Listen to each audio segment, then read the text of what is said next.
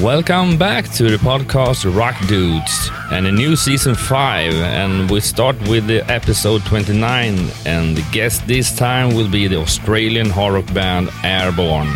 But we start to talk about our sponsor for this episode, which is the 70,000 tons of metal cruise. And the cruise will go from Fort Lauderdale in USA to Haiti and back.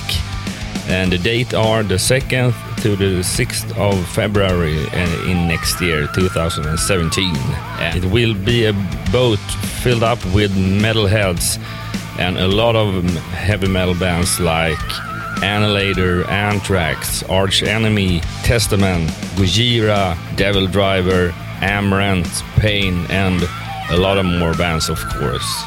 It will be 60 metal acts during the four days. It will be good weather, good metal music, and of course, a lot of party going on. Welcome to Rock Dudes 29 and the first episode of season 5. And the first guest this season will be the Australian hard rock band Airborne. It was a fun interview talking about everything how it was to grow up in a little city outside Melbourne, and uh, the only thing that you can do there was to play hard rock.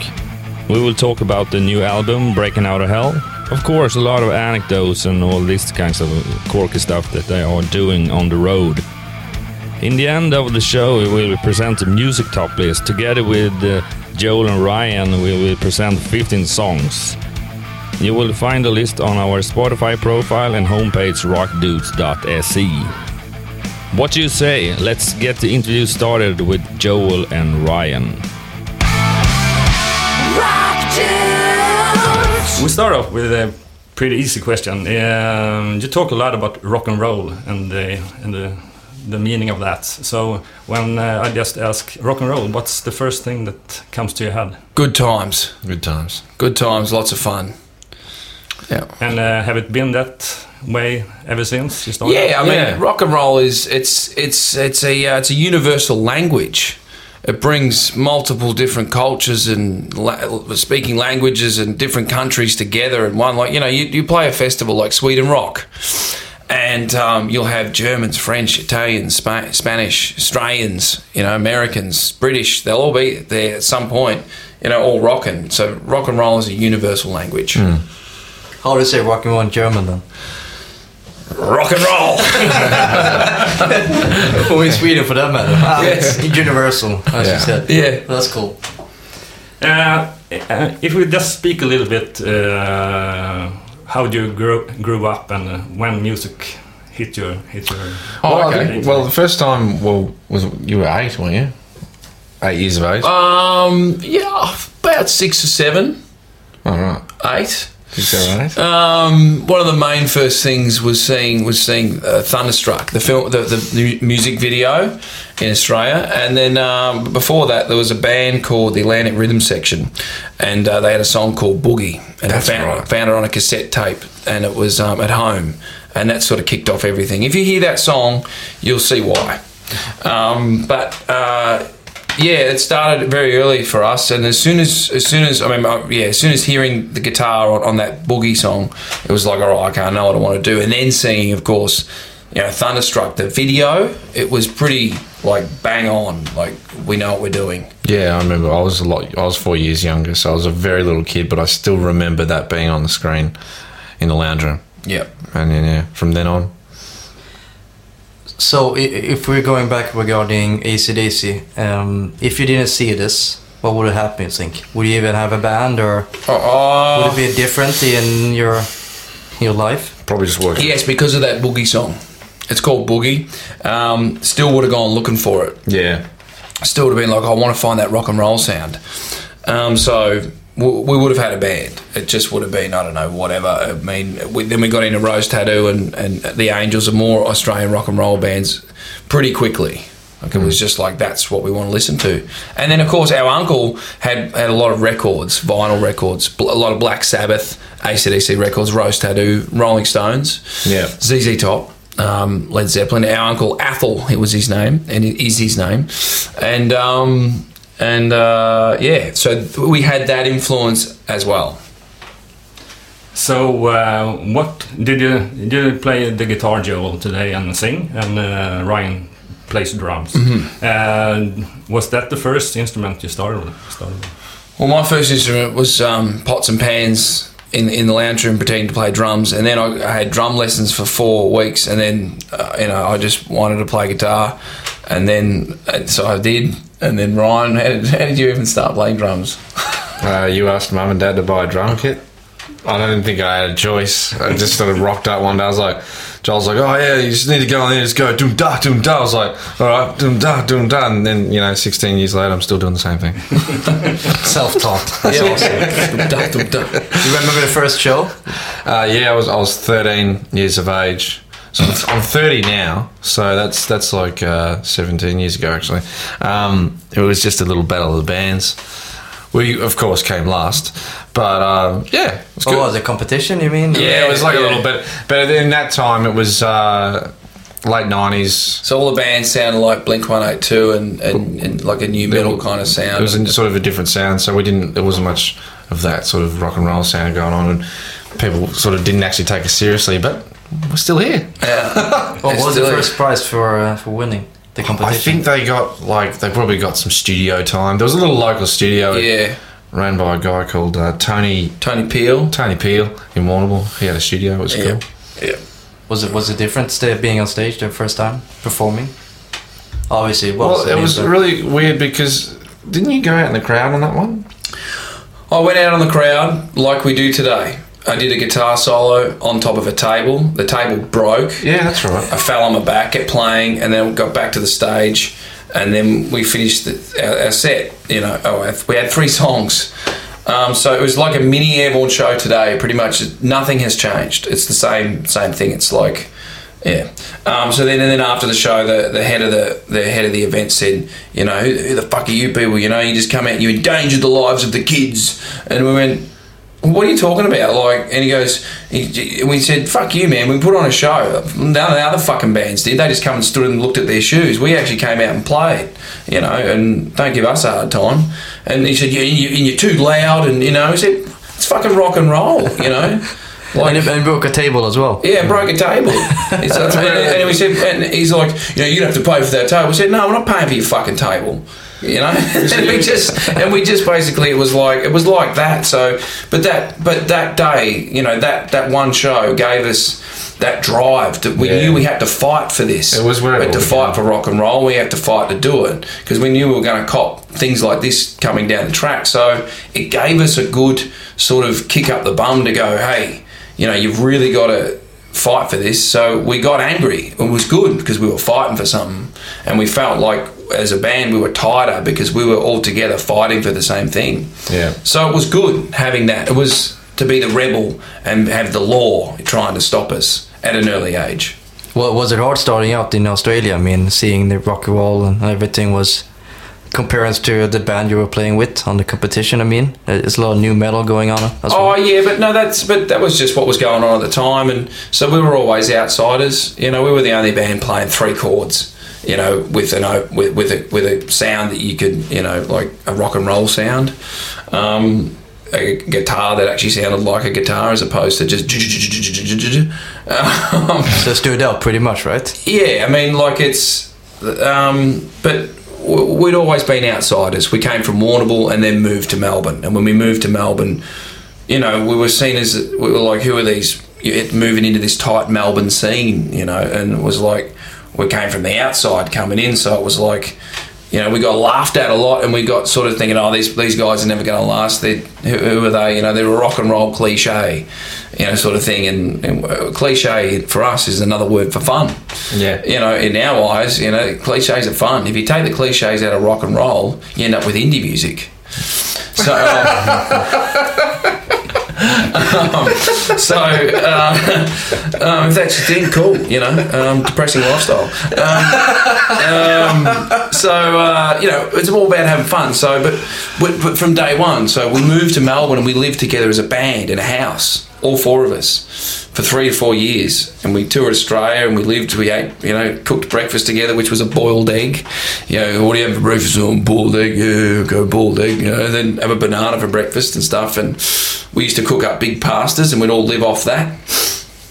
For four years. Yeah. and then and then eventually we moved overseas. So we've we've always been moving, or we've mm. always been together. You know, so that's always been a good strong point of the band. Is we've been like a brotherhood.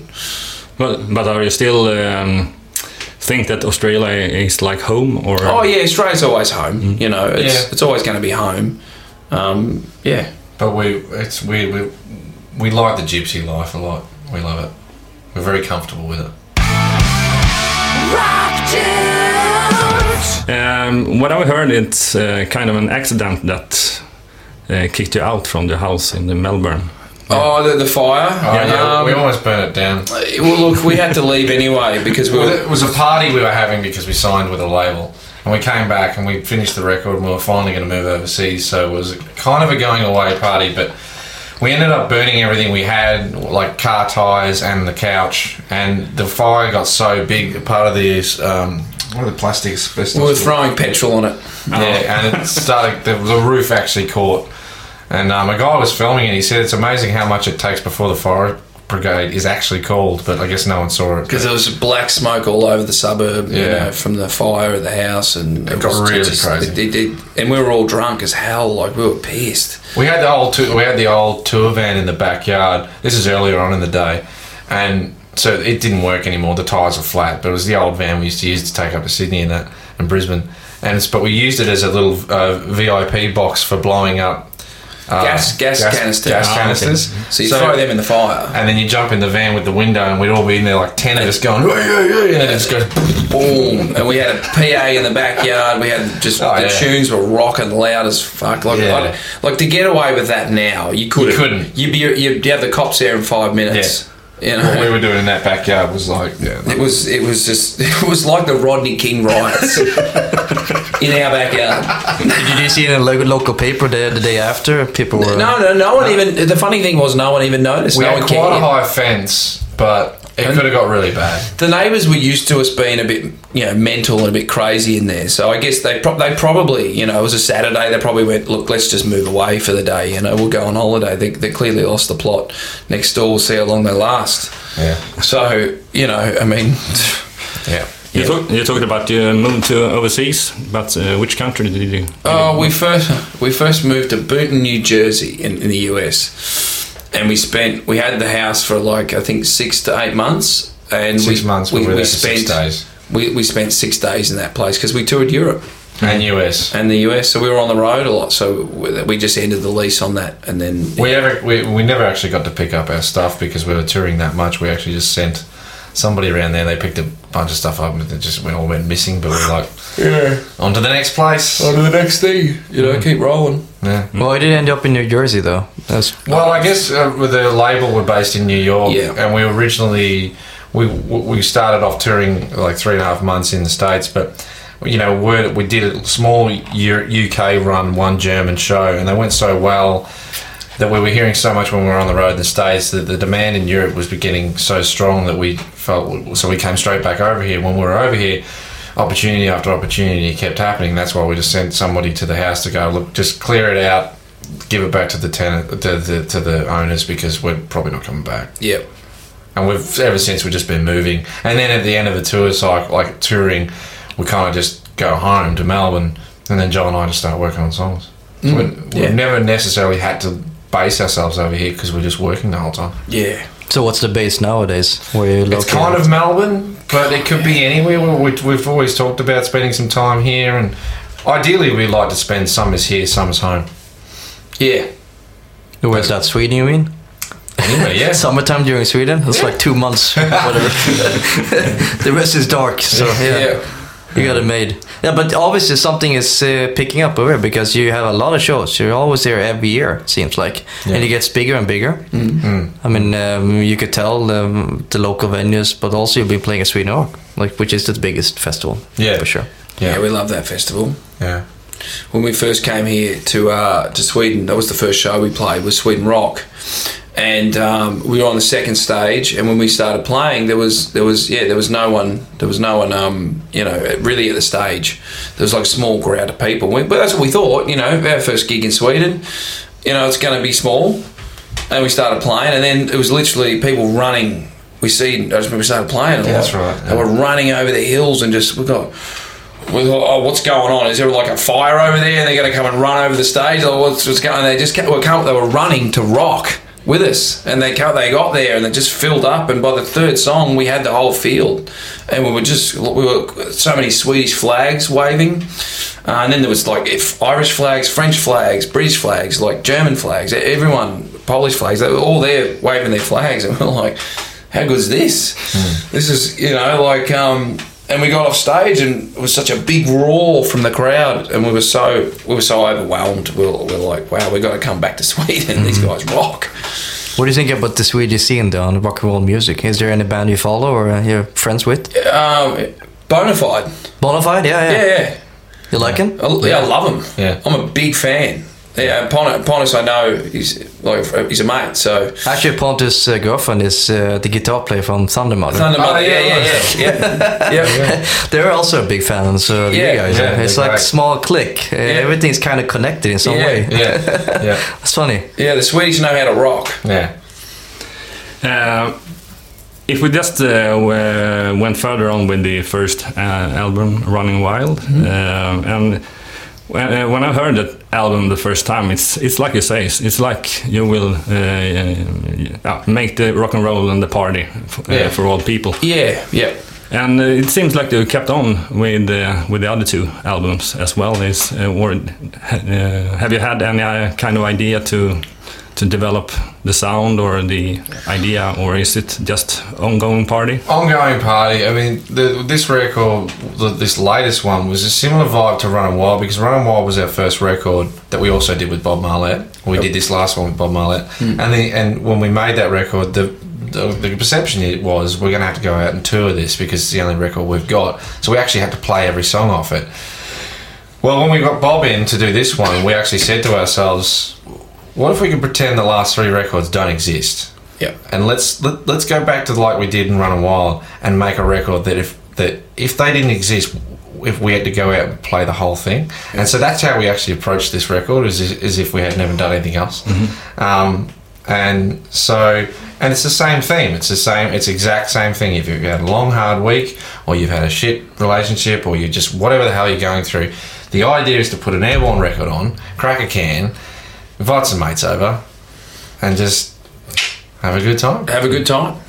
So uh, where did you record it? the? Uh, Where? yeah, Uh, in Australia. It was our first album recorded in Australia, other than an EP, I guess, that we did back in 2003 Yeah. called Ready to Rock, which we did at Hot House in, in St Kilda in Melbourne. And this was our first other, I guess, you know, recording in, in, in Melbourne, Australia, because the last three records were all done in the US. So on this record, we went to Sing Sing Studios in Melbourne, which will be knocked down by the end. which of is the going to be knocked down soon. So we're, it's it's the most legendary studio in No. Uh, Australia, still standing from a long time. Of, of its size, it's a big it's a big room, Yeah, and um, we recorded and mixed the album there. Too, Yeah. which is Why, cool. why is it get- getting knocked down? here, man? I mean, apartments? okay. apartment block. Same story with everything else. Did this have an effect while you were because you wanted to record there because it was last time? We heard about it when we were there. We heard about it when Oh, we were there, and then we were like, "Oh shit! Well, it's good that we are here because Yeah. this is our we we'd always wanted to record there. Yeah. we just never had the chance." And we That uh, was a sneeze. we took uh, and we brought out Bob, who we did Running Wild with, and also Mike Fraser, who's a world-renowned engineer. You know, he's done the last four ACDC records. He's done a bunch, with Aerosmith. Aerosmith and um, Metallica and stuff like that. Bryan Adams. Bryan Adams, yeah. Oh wow. Well, the new album sounds more angrier. Have you heard that? yeah, more rough. Yeah, it's more, yeah, it's got a little bit of heavier side to it, but that's like um, that's kind of what we wanted to go for. It's still got, I mean, it's still got things like do me like you do yourself, and yeah. so it's got it's a little like we like the best best way that we describe it's like the other albums like it's sort of like it's Jack and Coke. It's like a double Jack and Coke, so it's a little bit more beefier, you know. It's a little bit stronger. It's good. People are saying that though that the new album is a bit more angrier. It's good. It's good. It's So- more dynamic as well, I think, That's because good, you, yeah. you have the, the harder song, Yeah. the heavier, and then the more like ZZ Top Boogie Woogie, Yeah, rock and roll. a bit yeah. more blues in there. Yeah. Well, that was that's the thing. Like, if we had, if that was our only record, and we had to go out and just play those eleven songs, We wanted to That's keep- what yeah. it, that's you want that set to be as dynamic. Mm-hmm. and that's Running Wild was was like that. Okay, so with Airborne, with us, with any band, and this works with every band in the world. Your first album, you imagine you've got a toolbox, and you got only in that toolbox is a hammer and a nail. It's very simple, and you just put your hammer and your nail in, and, and then you put that album out. It's a simple, but it's the core sound of your band. And then the second album, sometimes it goes down or often because you have to do it really quickly but then you add a few more tools in your box you learn some from mistakes so you might add a you know a screwdriver and a hammer uh, sorry screwdriver and, and, a, and a spanner by the third album you know you might learn You more still stuff got the hammer and nail. But you still got that hammer and nail, the core. Mike gets a power drill and an angle grinder. So by the fourth album, we've got our toolbox full of all these new tools that we didn't have on the first album, but we still got our hammer and nail, and we still stick to using that because you can't beat it while adding some other tools in. But it's still in our airborne toolbox. We never go outside and and change the flavour. We don't go get nail guns and having double kick pedals. I'm still missing the Bryan Adams ballad though. You thinking about that? Yeah. Adding in the future? Look, I mean, I mean. Have you ever heard that? Okay, yeah, if if um if you know the song "Bat Out of Hell," Sure. what would you say that is? Oh, it's a mixture of everything, kinda. Yeah. Is it a for ballad? sure. Is it a ballad? It Is could be, yeah. Is it epic? Is it what is it? Uh, that's, dude, that's a hard question for See, sure. see, okay. Yeah. So if we were to do something, It'd it be might similar to that. Might be of- like that. Not that we're planning on it. You're not. No. You think about it though. Well, basically, every record you don't know what it's going to be like. True. You just have a kind of idea and, a, and an approach. Yeah. You never know. Yeah, when you make a record, you, you have a vision of what you want the vibe to be. So, and this one was to be breaking out of hell, like to, to escape, to help people escape, and also pick people up. Like this song's on there, like get back up. To it's, it's to get people back up, and um, and of course, you know, we wanted to have a bit of fun, like you said, with the boogie woogie thing, like down on you, and it's a bit of tongue in cheek. So we wanted to make that album that you put it on and it can break you out of a hell in a, in a s- with rock and roll. The, uh, the saying is um, world off, music on, or world off, rock and roll on, whatever. But when the rock and roll's on, you forget the troubles. So that was our vision for this one was to be the great escape. Yeah. Just talk a little about the process uh, writing the album. Is uh, do you come to the studio or uh, the place you're reco- uh, writing it um, with a blank page or? Oh, we no. had we had a bunch of songs. That'd be quite a lot. scary. Yeah, no.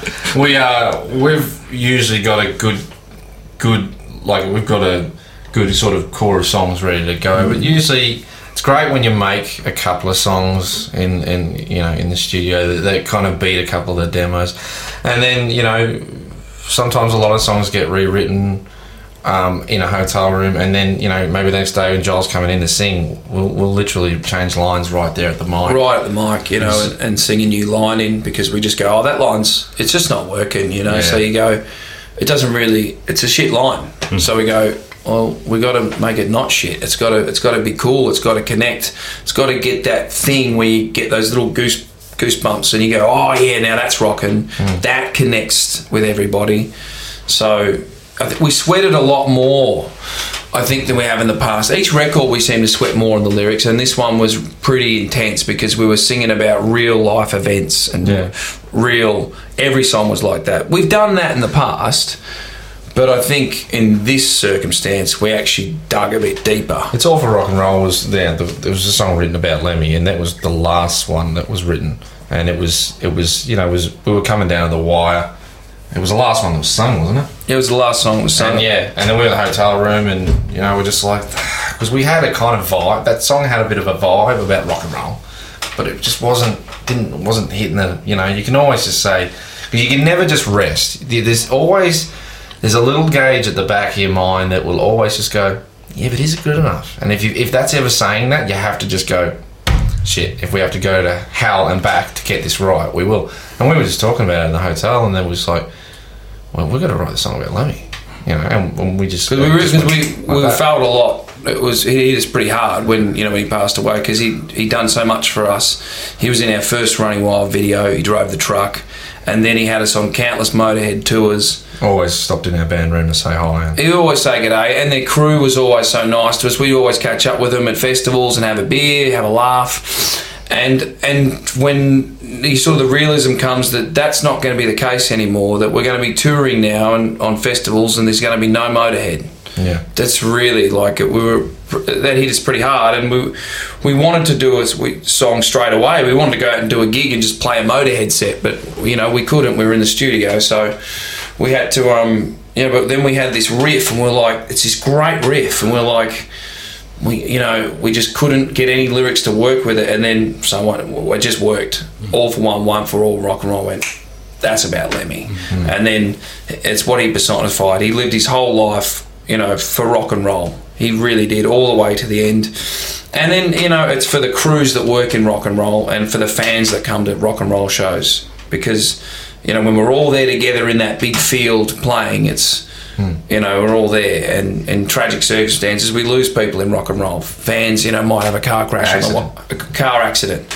Um, you know, so it's on the way home. So, and with Lemmy, he's like a lightning rod, and all that lightning would it for us. It just went through him, and so we were like, "This is a song for Lemmy." That's how we finished the record.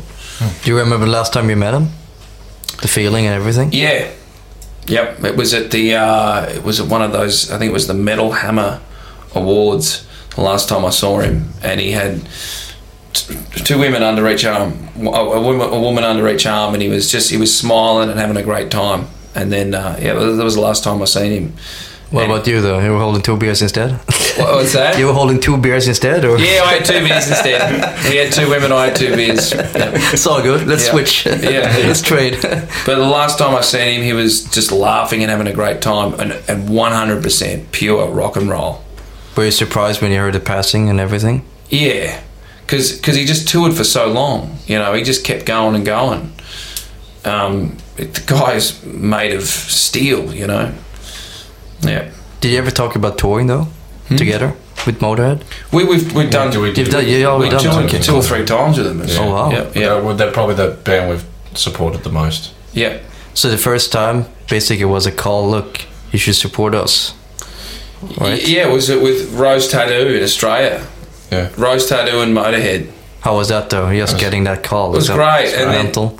uh, yeah, we, we you know we're like so excited and, and honoured and, and everything, and and we did the tour, and and um, Phil Phil Campbell's a Yeah. big Rose Tattoo fan, and quite often, you know, because we play our set and then Rose Tattoo and then Motorhead, so I'd go after I got off stage, I'd run straight out while they changed the gear over, and I'd be ready to watch Rose Tattoo, and often every time Phil Campbell would be coming out, but he'd sneak out with a beanie on so no one could see him.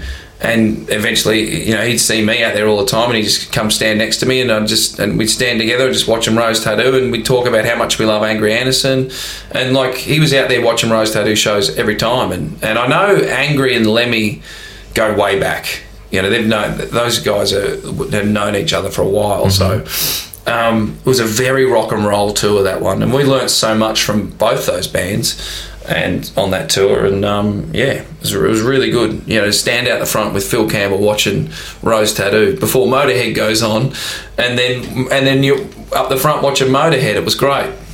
Is it the same feeling seeing uh, ACDC? Yeah, it? it's, it's it's the same feeling seeing any band that we, Yeah. that we love. How tired are you being compared to ACDC nowadays? They just keep it coming. You Oh, know, it's right? just like it's Yeah. they're the most famous Australian rock and uh, Australian pub rock and roll band, and you know it's it's the kind of music we play. So you know it's And all the drama that comes with it as well. With and all the what? all the drama that comes with it as well. Yeah, it's not really drama. It's all it's all you know. It's all good. You know what I mean? Like it's we're doing the right thing. We're playing Aussie pub rock and roll, and if they said we sounded like someone else, like that wasn't a rock and roll band, then we'd clearly be doing the sound injustice. Yeah. Did- Were you surprised when Axl was uh, joining a couple of gigs? or Oh, I mean, uh, I mean, uh, who do you get? You know, the tour's called Rock or Bust. That you've had to change. you know, you've lost the leader of the band, Malcolm Young. The, the, the drummer that recorded the, the album, who's who'd also been there, Phil Rudd, you know, been there for most of ACDC's career, uh, unfortunately can't leave New Zealand. So you get Chris Slade back. So, okay, so you've had two lineup changes and you go out on tour. It's called Rock or Bust. And then, so you can't go bust. And then, and then Brian, unfortunately, you know, has a hearing, has his hearing issue. So then, you know, they got to get someone because it's, it's either they go bust. You know what I mean? Like it's rock or bust.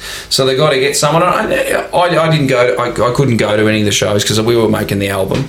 Um, well, I heard Axl did a good job, and it, you know, and yeah, it seemed like you know they had to do. They had to do what they had to do. Well, they should have gone for Joel instead.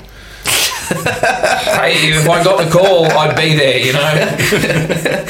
We're thinking about, man, this would be a strange fucking feeling if uh, someone would call from the management, look, will you fill in spots a couple of shows? Uh, but I mean, I'd if you probably think have, about I'd, it, I'd have a heart attack. I'd have a heart if you attack. think about it, it's not that really uh, far fetched, right? In some way, because obviously the band knows you and vice versa. Yeah. It's just Axl had had time. had time because you guys were in the studio.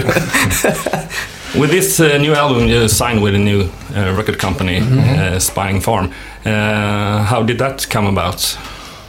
Well, sort of, we were with uh, Roadrunner for a bit, and um, they joined with Warner, and it's sort of a lot of friends we work with closely on the record, um, sort of parted ways with Roadrunner. Um, and sort of, we, we with this record, we wanted a hands-on feel, and our option, the option was up anyway. So um, we just sort of felt, look, well, let's. We talked. We were talking to Dante at Spine Farm, and, and about you know really a Roadrunner mentality that they had a very hands-on rock and roll vibe, and so we just went with uh, Spine Farm. But you know, I mean, the amount of labels we've been with now is ridiculous. I mean, we started with Capitol, and then Then Virgin. We were Virgin for two seconds, and then uh, and then then- Roadrunner, and then uh, I guess then we were Warner for two seconds. Warner and then- Atlantic, and then so it's one of those things. It, it's just the industry now. You sort of move around a bit, but it, the industry's very small. We're, we're all we're still friends with everybody we work with Yeah. um, throughout the labels because No hard there's, feelings. there's, there's, you can count the amount of people on you, now a couple of hands, you know. So it, it's um yeah, but Spine Farm seems like a really it's a really nice, healthy place to be for this record, and hopefully we can get two out of them. Yeah. three. Uh, basically, all those labels are like major labels. Have you thought about that? It's not really indie labels anymore. And, Like yeah, Spine Farm is Universal, and obviously you guys on Capitol is, uh, before. So, have you thought about being like a smaller, seeing the difference, perhaps? Like I don't know if the the labels control that much regarding Airborne, sound wise or hands on and everything. It's pretty much do no, whatever cre- you do. Creatively, no. I mean, obviously, good. obviously we control it. Um, but uh, yeah, I mean, it's good to be with a major label and some to get the uh, The push. reach Yeah, that you need yeah. to get the rock and roll out there. Because that's what we're here. We just want to Sure, get the rock sure. and roll to as many people as we can. Yeah. Or maybe bigger tours. Who knows? In the Yeah. future as well. Yeah, absolutely. Uh, after this festival summer, we'll hit off t- uh, the tour with the Volbeat in Europe and the US. yep. Uh, is that the first time you're supporting them? Uh, no, we've supported Volbeat before In the US. in the US, and Yeah. yeah. Uh, yeah, we've played with them a few times before, Yeah. and on European festivals over here too. We've done some spot shows with them as well, and we're good good friends with the guys, and um, they're great guys, and um, yeah, so we're looking forward to it. Actually, you know, it's good. It's good to tour with bands you know and that are good Yeah. people. It's great to sit around a catering, have a few beers, and that, and have a yarn. So. Yeah. Um, but you are also going for your own headline tour in uh, UK and Yep. and US as well. That's true. Yeah, um, at the end of the year, and then we'll do. US is in September and Yeah. August. And then we'll do. We'll be back in 2017 again for uh, more headline stuff. What about Australia though? Oh yeah, January. We're, we're going back to do that. How's the touring in uh, Australia? Is it three cities or? Uh, yeah, it's not many. Uh, I think we're only doing Small. We're doing Melbourne, Sydney, Brisbane, and Summer Nights Festival in Canberra. But I mean, a lot of these dates are still a warm up. The record's not even out yet, so it's we've sort of been doing just a lot of warming up to next year, which will be the big breaking out of hell tour. So a a year and a half of touring. crazy. You're basically living on the road. Love it. it was, it's you're you're either a gypsy or you're not. You know. We've been doing it since we were quite young. Yeah. When we moved from Warrnambool, so I mean, I, when I'm home, I, I, it feels weird just being stopped in one area for so long. You sort of just get used to environment's changing every day. It's refreshing. So what's a typical day on a tour bus? I mean, watching a movie or just uh, resting or you got routines? A couple of beers. Beers? Well, we got a keg machine on there. You got a keg machine as well? Yeah, we, it's a Philips keg machine they make in, in, in sort of Austria, Germany areas. So you get six litre kegs. we get six of them, so that's a six pack. 36 litres of beer if we play any of the uh, German, Austria, Holland shows. And then, you know, if we go through France, we get about 14 bottles of red. So there's plenty to, you know, um, sit there and have a couple of beers with the crew and Have you noticed uh, the bus gets bigger and bigger? Or smaller, smaller? it's, it's a large bus. It's got it's got it's a double decker with um, two lounges front and back, and then you can sit twelve people comfortably downstairs. Yeah. There's about twelve people on it, so there's quite a lot of room actually on the thing. So it's pretty cool. But you're going to the next level. Each member is going to have each uh, bus, right? No, This will be in the future. I doubt we'd have. I doubt we'd get. You know, even do that. Even if we got to that level, Yeah. it's just. It's just. Yeah. Now it's time for Rock Dude's music top list. Together with the guest, we will present 15 songs. And if you are listening to the podcast on Spotify, you can get the playlist on our profile rockdudes.se. And there you can get both the good stories together with the songs itself. So, which one will we start? I'll start ACDC Big Gun. I fucking love that song. I mean, it gets me going. You know, it's it's it's a it's a great it's a great song. I remember seeing it as a kid. The the video with uh, Arnold Schwarzenegger, and um, it's just a really rocking song from them. And it's not on an album. Um, and it was on the Last Action Hero. Not the greatest film, but great great soundtrack. Yeah. Um, uh, but yeah, no, that's Big Gun for me.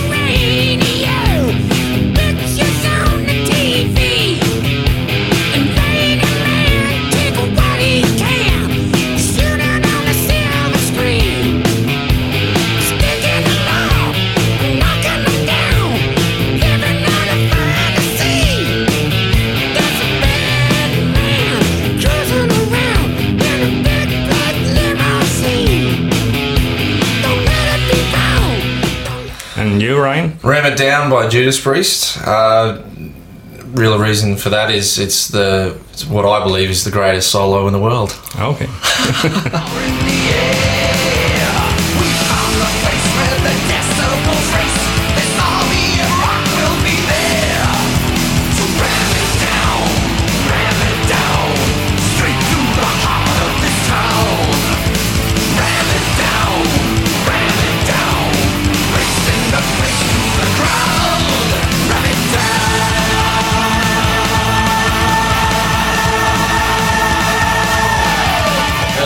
you again, Joe? Yeah, More Wine Waiter Please, The Poor. An Australian band. And uh, I remember seeing that when I was a kid. They actually, The Poor opened for ACDC in 1996 at Rod Laver Arena on the Ballbreaker Tour, which was my first time seeing ACDC. And I got to see The Poor and ACDC in one whack. It was, it was great.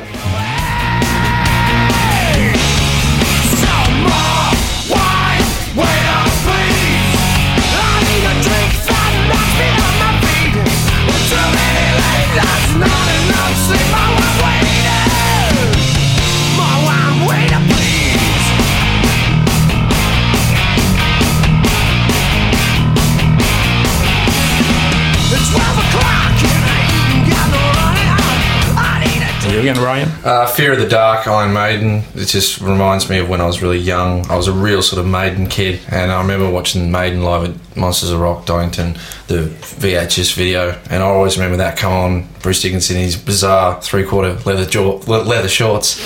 But the song, I don't know, it's just one of those songs that I really like. Fear that something's always near. Fear of the dark. Fear of the dark. I have a phobia that someone's always there.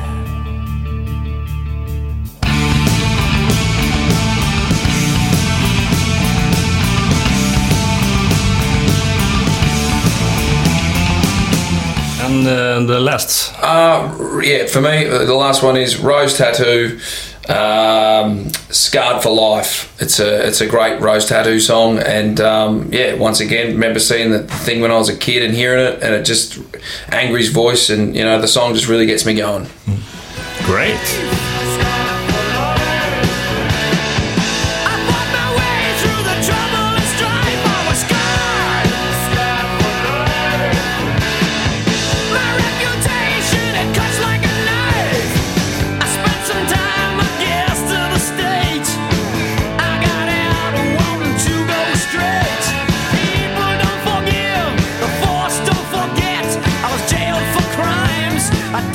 Right, we're here for Jonas' top five songs, and the first one is the Swedish biggest band. the biggest band uh, uh, that called In Flames. They have been. They will be releasing a new album actually in a couple of months, and it will be called Battles.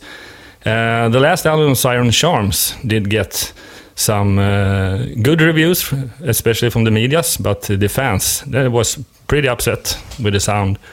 So it seems like they uh, are going back to the In Flames sound that more or less everyone likes likes a lot. So I have chosen uh, the song "The End," and it's one of the two tracks that have been released so far. And uh, yeah, it's a really classic In Flames song. So listen and enjoy.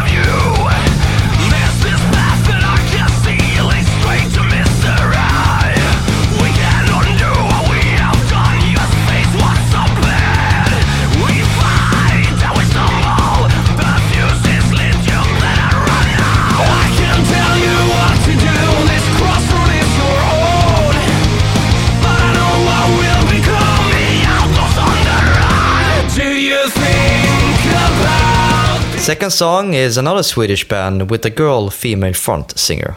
Yeah, it's the psychedelic blues band's Blues Pills, and uh, they did release a, a new album, Lady in Gold, earlier uh, in the end of the summer. Their debut album was re- really amazingly good and have been uh, received really well uh, all over Europe.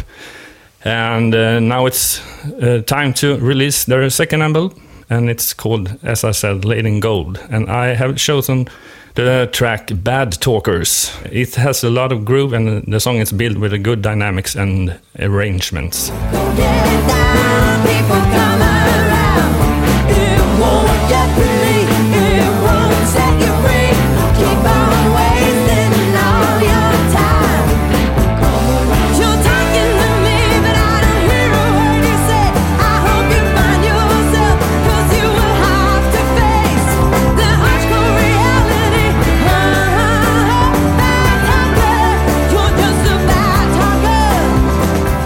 The third song, we're going to America. Yeah, and we're talking about another band with a female uh, singer. Uh, it's the Pretty Reckless. Uh, that will be uh, releasing the new album "Who You Selling For" uh, the 21st of October. And I have chosen the first single, "Take Me Down." It's a classic rock song uh, that should be on every party music list. But I'm the only one that's standing here, so mama, don't you have no fear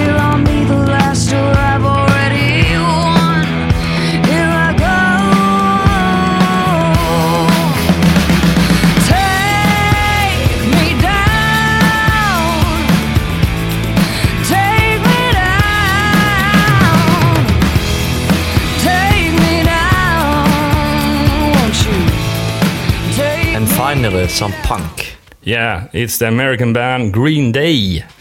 Uh, that has been around for 30 years. Uh, they started the band in 1986. Um, they did the, uh, the breakthrough, uh, had to wait until the 1994 with the album Dookie. Uh, and one of the um, most played song on that album was the Basket Case, of course, that was played a lot on MTV and on the radio. Uh, one of the great things with the, with the band is uh, really their live performance. It's uh, absolutely smashing. Now it's time for the new album uh, and a new great world tour. Revolution Radio will be will be released the 7th of October, and I have chosen the first single, "Bang Bang," and it uh, and it's a fast riffing punk rock song with the same attitude and energy as in the beginning of the 90s. I'm really looking forward to seeing them again in Stockholm, 27th of January next year.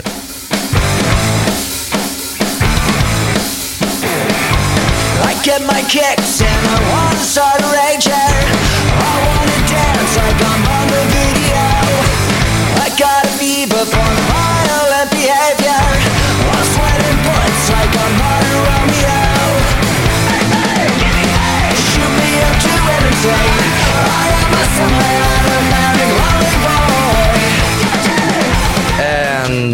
for the last song, of course, you're going to uh, take one song from Joel and uh, Ryan from Airborne. Makes sense. Yeah, I really have to do to do that because I really love this band, and, uh, the interview was a really cool thing to do.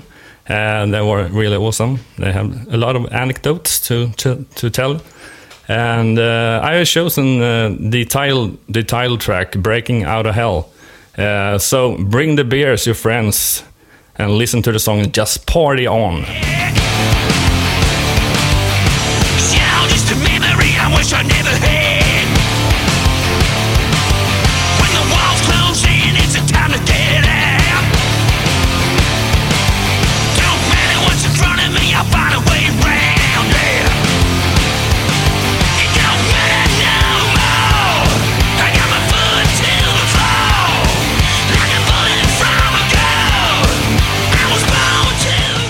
Now it's time for Ömer's top five, and uh, I look through the, the your list, and it seems that you have chosen title tracks of uh, all the band's new albums. Correct. I don't know why, but it just happened, and uh, it was a.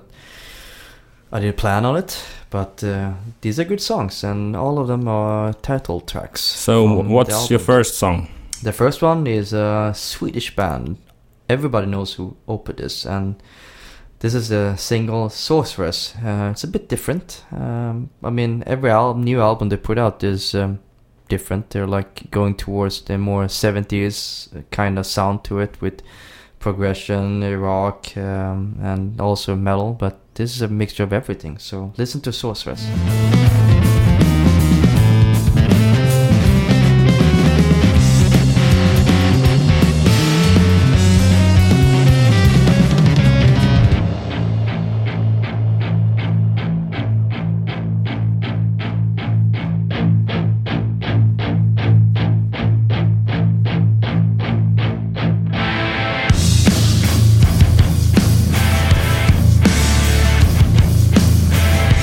Okay, that's what's Opeth. So, what's it's the second song on your list? The second song, we're going to Canada. Uh, Devin Townsend's project. Uh, Mr. Devin has uh, several bands, obviously, but uh, I picked the song Failure with uh, his uh, side project, Devin Townsend Project. And uh, yeah, it's progressive metal. Forgiving all the way now.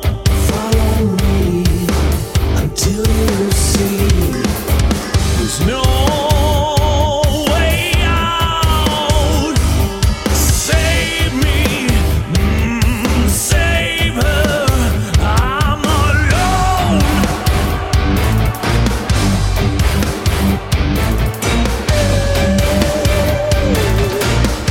Okay, that was Devin Townsend project. Uh, the third song, what? We're back in Sweden with Solution 45 um, with the song The Faint Pulse of Light. The singer from X Scar Symmetry has his own new band. Well, it's not new anymore, but they put out a couple of albums. But um, it's a good song. Uh, it's not the typical uh, but it's more of the melodic death metal was born from resistance. Raging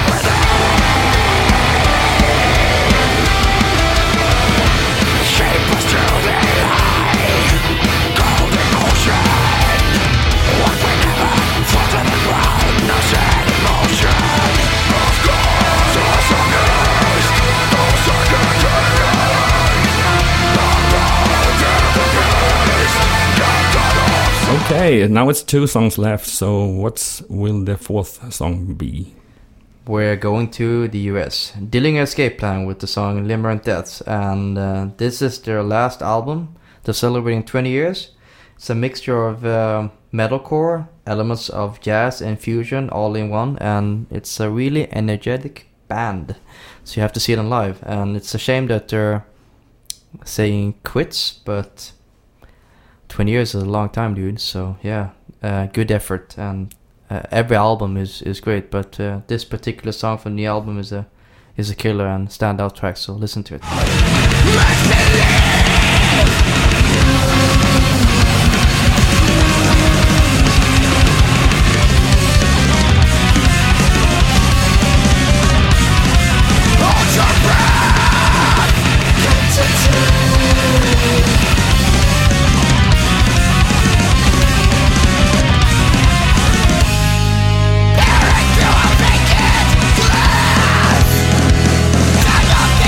The last song, what uh, is it? Uh, I, I think we go back to Sweden again.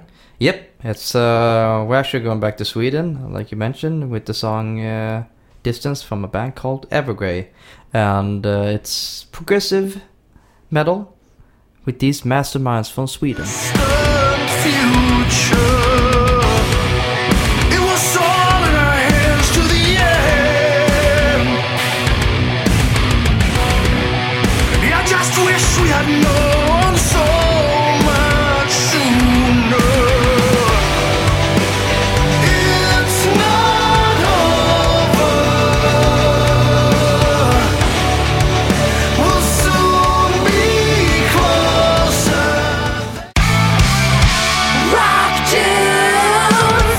That's a wrap. That's a wrap. Yeah. Cool. Thanks, So, guys. Thank you so much to joining us here in our podcast. No worries. Thanks for having Thanks us. for having us. Hon- Honoured, honoured to be here. Yeah.